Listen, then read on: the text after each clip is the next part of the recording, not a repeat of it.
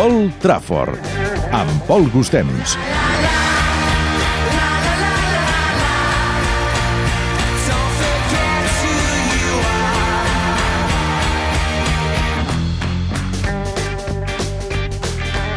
Sempre dic Pol Gustems, Manchester, què tal, com estàs? Bona tarda. Avui dic Pol Gustems, Leicester, bona tarda. Què tal, Pol?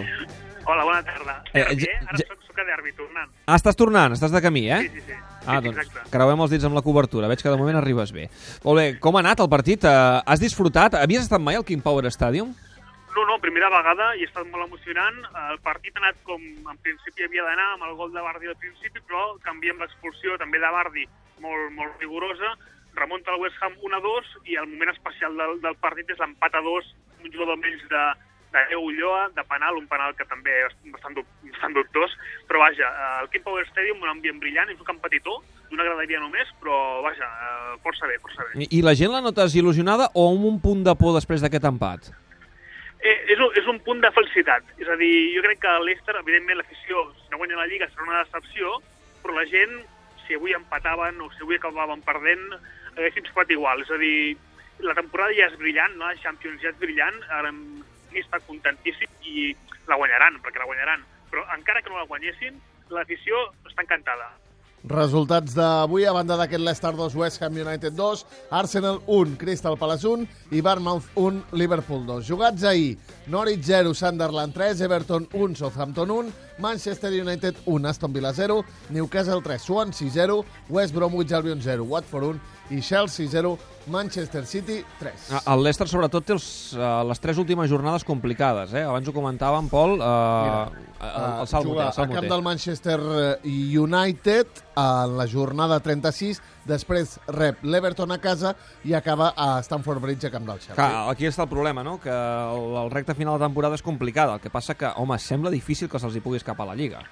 No, el coixí, el coixí és, és suficient, crec. A, a més, demà juga el Tottenham a Stoke, que sempre és un camp complicat. A veure què fa el Tottenham a Stoke demà, perquè si punxa el Tottenham, el Leicester, jo crec que la setmana vinent el Swansea a casa l'hauria de guanyar i podria anar a Old Trafford la- l'1 de maig amb opcions a guanyar la Lliga Old Trafford, que seria... Mm.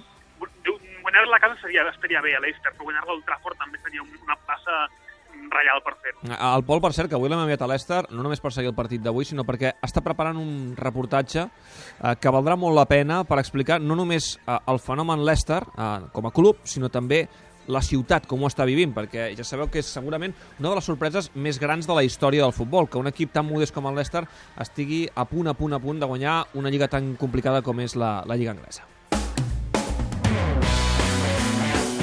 Per cert, que ha començat ara mateix la segona part del Calderón. Algun canvi, Xavi? A l'Atlètic de Madrid juga amb el mateix 11, un canvi, això sí, pel Granada s'han anat lesionat Miguel López, el portuguès, entra Fulquier per ocupar a lateral dret de la defensa del Granada. També ha començat la segona meitat a Vallecas, Rayo 1, Villarreal 1. Pol, com s'ha rebut el sorteig de, de la Champions? Uh, ja sabem que el City, um, després de dos anys seguits jugant amb el Barça, ara rebran el Madrid. No hi estan acostumats, són les semifinals de la Champions i, per tant, aquí ja um, el projecte de, de l'Etihad uh, arriba en un moment um, important, decisiu, just abans que arribi Guardiola.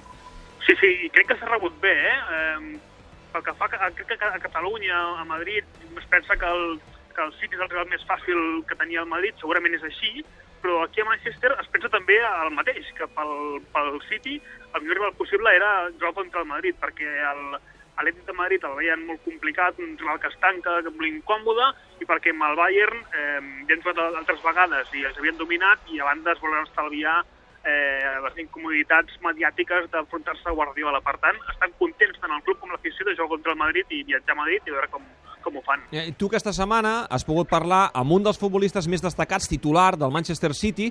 Potser no és l'estrella de l'equip, de fet jo el vaig tenir al Fantasy de l'inici de temporada i me'l vaig treure de sobre perquè no puntuava molt, però és, sempre hi és, és titular, és, Sí. és un jugador fix de, de Pellegrini, un futbolista indispensable. Estem parlant de Fernandinho, eh? Sí, Fernandinho jo diria que Agüero és el que marca els gols, eh, De Bruyne és el millor de la plantilla, però el que dona un rendiment més elevat de la plantilla és Fernandinho, que té moltes ganes de treballar amb Guardiola l'any que ve. Fernandinho, felicidades por, por ganar hoy. Imagino que cuando fichas por el City es para jugar partidos como este y ganar partidos como este. Gracias. Primero de todo, muchas gracias. Pero esto es verdad. Cuando firmé aquí, uno de los objetivos era para jugar los partidos de Champions y ganar más guerra posible. Entonces, los dos primeros años no, no, no, no lo conseguimos, pero ahora, eh, por la primera vez en la historia del club, estamos en la semi y creo que están, estamos todos felices con esto. Este año, cuando está Kevin De Bruyne sobre el campo, todo va más fácil. Sí, es un jugador extraordinario y demostró esto dentro del campo jugando. Eh, es un jugador que, que, que hace una diferencia muy, muy grande para nosotros. Y no solo él, pero todo el equipo está, está muy feliz con él, porque como hoy eh, decidió un partido importantísimo para nosotros. Para semifinales es mejor enfrentarse a un equipo que no conozcáis mucho. No, yo creo que, que no tiene diferencia ninguna, porque lo- los, tres equipos que, que, que, que, que se quedan ahí para jugar la semi son, son tres equipos muy buenos, cualificados. Entonces no tenemos ahí que, que apuntar a un equipo que, que queremos jugar. Lo importante es que estamos en la semi. Eh, vamos a ver con- contra quién vamos a jugar y tenemos que nos preparar muy bien porque será un partido muy difícil. El mister Pellegrini siempre dice que el Barcelona está un poco por encima de- del resto, con tu compañero brasileño Neymar, que está también a un nivel espectacular. Sí, es verdad, está viviendo un momento muy, muy bueno. Ganó la última Champions, ganó la, la Liga también. Entonces, eh, Barcelona es un equipo que siempre es peligroso, está siempre eh, ten- intentando jugar un buen fútbol. Pero veremos, veremos lo que pasa. Eh, ¿Te ilusiona de cara al año que viene trabajar con uno de los mejores técnicos del mundo después de Pellegrini? ¿Trabajar con Guardiola es algo que te ilusiona? ¿Estarás contento con esto? Está bien, ¿no? Eh, Pellegrini me enseñó muy- muchas cosas, eh, aprendí muchas cosas con él. Eh, soy muy agradecido a él porque me, me hizo jugar a más alto nivel aquí también. Entonces, claro que ahora se va y llega Pep y veremos lo que pasa. Que uno, uno- uno de los mejores de- de- del mundo. Eh, quien, quien, quien está aquí está muy excitado para trabajar con él. Esta temporada tuya ha sido quizá mejor que la, que la anterior y que vas creciendo. ¿Esperas que con Pep dar un saltito más? Ah, espero que sí. Pero que, porque esto es eh, uno de los mis, mis objetivos, mejorar cada año. Entonces ya estoy aquí a tres años. Creo que esta, esta temporada, principalmente en, con- en los partidos de Champions, esto hicimos muy bien. Y espero que en el próximo año se pueda hacer mucho mejor. Gracias, muy amable. Gracias. Podeu recuperar aquesta entrevista a catradio.cat barra tot gira. Allí trobarà totes les seccions de Paul Trafford i podreu recuperar aquesta entrevista amb Fernandillo, titular amb el City i que va poder conversar amb el Paul dimarts passat, després d'aquest City-PSG què el City va classificar-se de manera històrica per les semis de la Champions. No et queixaràs dels partits que has vist aquesta setmana, perquè vas veure el City-PSG dimarts. Um, vas veure també, avui l'has vist, el, el líder, el Leicester, has estat a Leicester, però dijous també va ser a Anfield, en un dels partits més bojos de l'any, estem parlant de l'Europa League, la classificació també increïble del Liverpool de Klopp uh, per les semifinals de l'Europa League. Sí, per, per mi el millor dels tres, eh? un partit in- increïble que partia el Liverpool 1-3, que va acabar remuntant 4-3 amb un ambient d'Anfield com a dels millors nits de fa molts anys, imagino, jo no n'he vist cap, cap en directe com el que com el de dijous. Mm, I vas poder parlar amb un dels grans protagonistes que, a més a més, té un bon record per l'afició de l'Espanyol. Sí, Felipe Coutinho, que diu que va ser molt important per ell aquells 6 minuts a l'Espanyol que, que passa, i també té un record pel Barça i per Neymar. Som a Anfield després d'un partit brillant on el Liverpool s'ha imposat per 4 gols a 3 al Borussia Dortmund. Europa League, classificació per semifinals i podem parlar amb Felipe Coutinho, el brasiler que ens atén. Felipe, enhorabuena, ha sido un partido mágico. Ah, sí, ahora estamos en la semi, eh, todo puede pasar. Eh, sabemos que, que los, cuatro, los cuatro equipos que se quedan son fortísimos y tenemos que, que seguir fuerte, luchando y con la confianza que, que estamos. ¿Cómo te explicas lo que ha pasado aquí en Anfield esta noche? Ha sido la reacción del equipo perdiendo 1 a 3, la remontada 4 a 3. Sí, puede ser eh, una partida muy loca.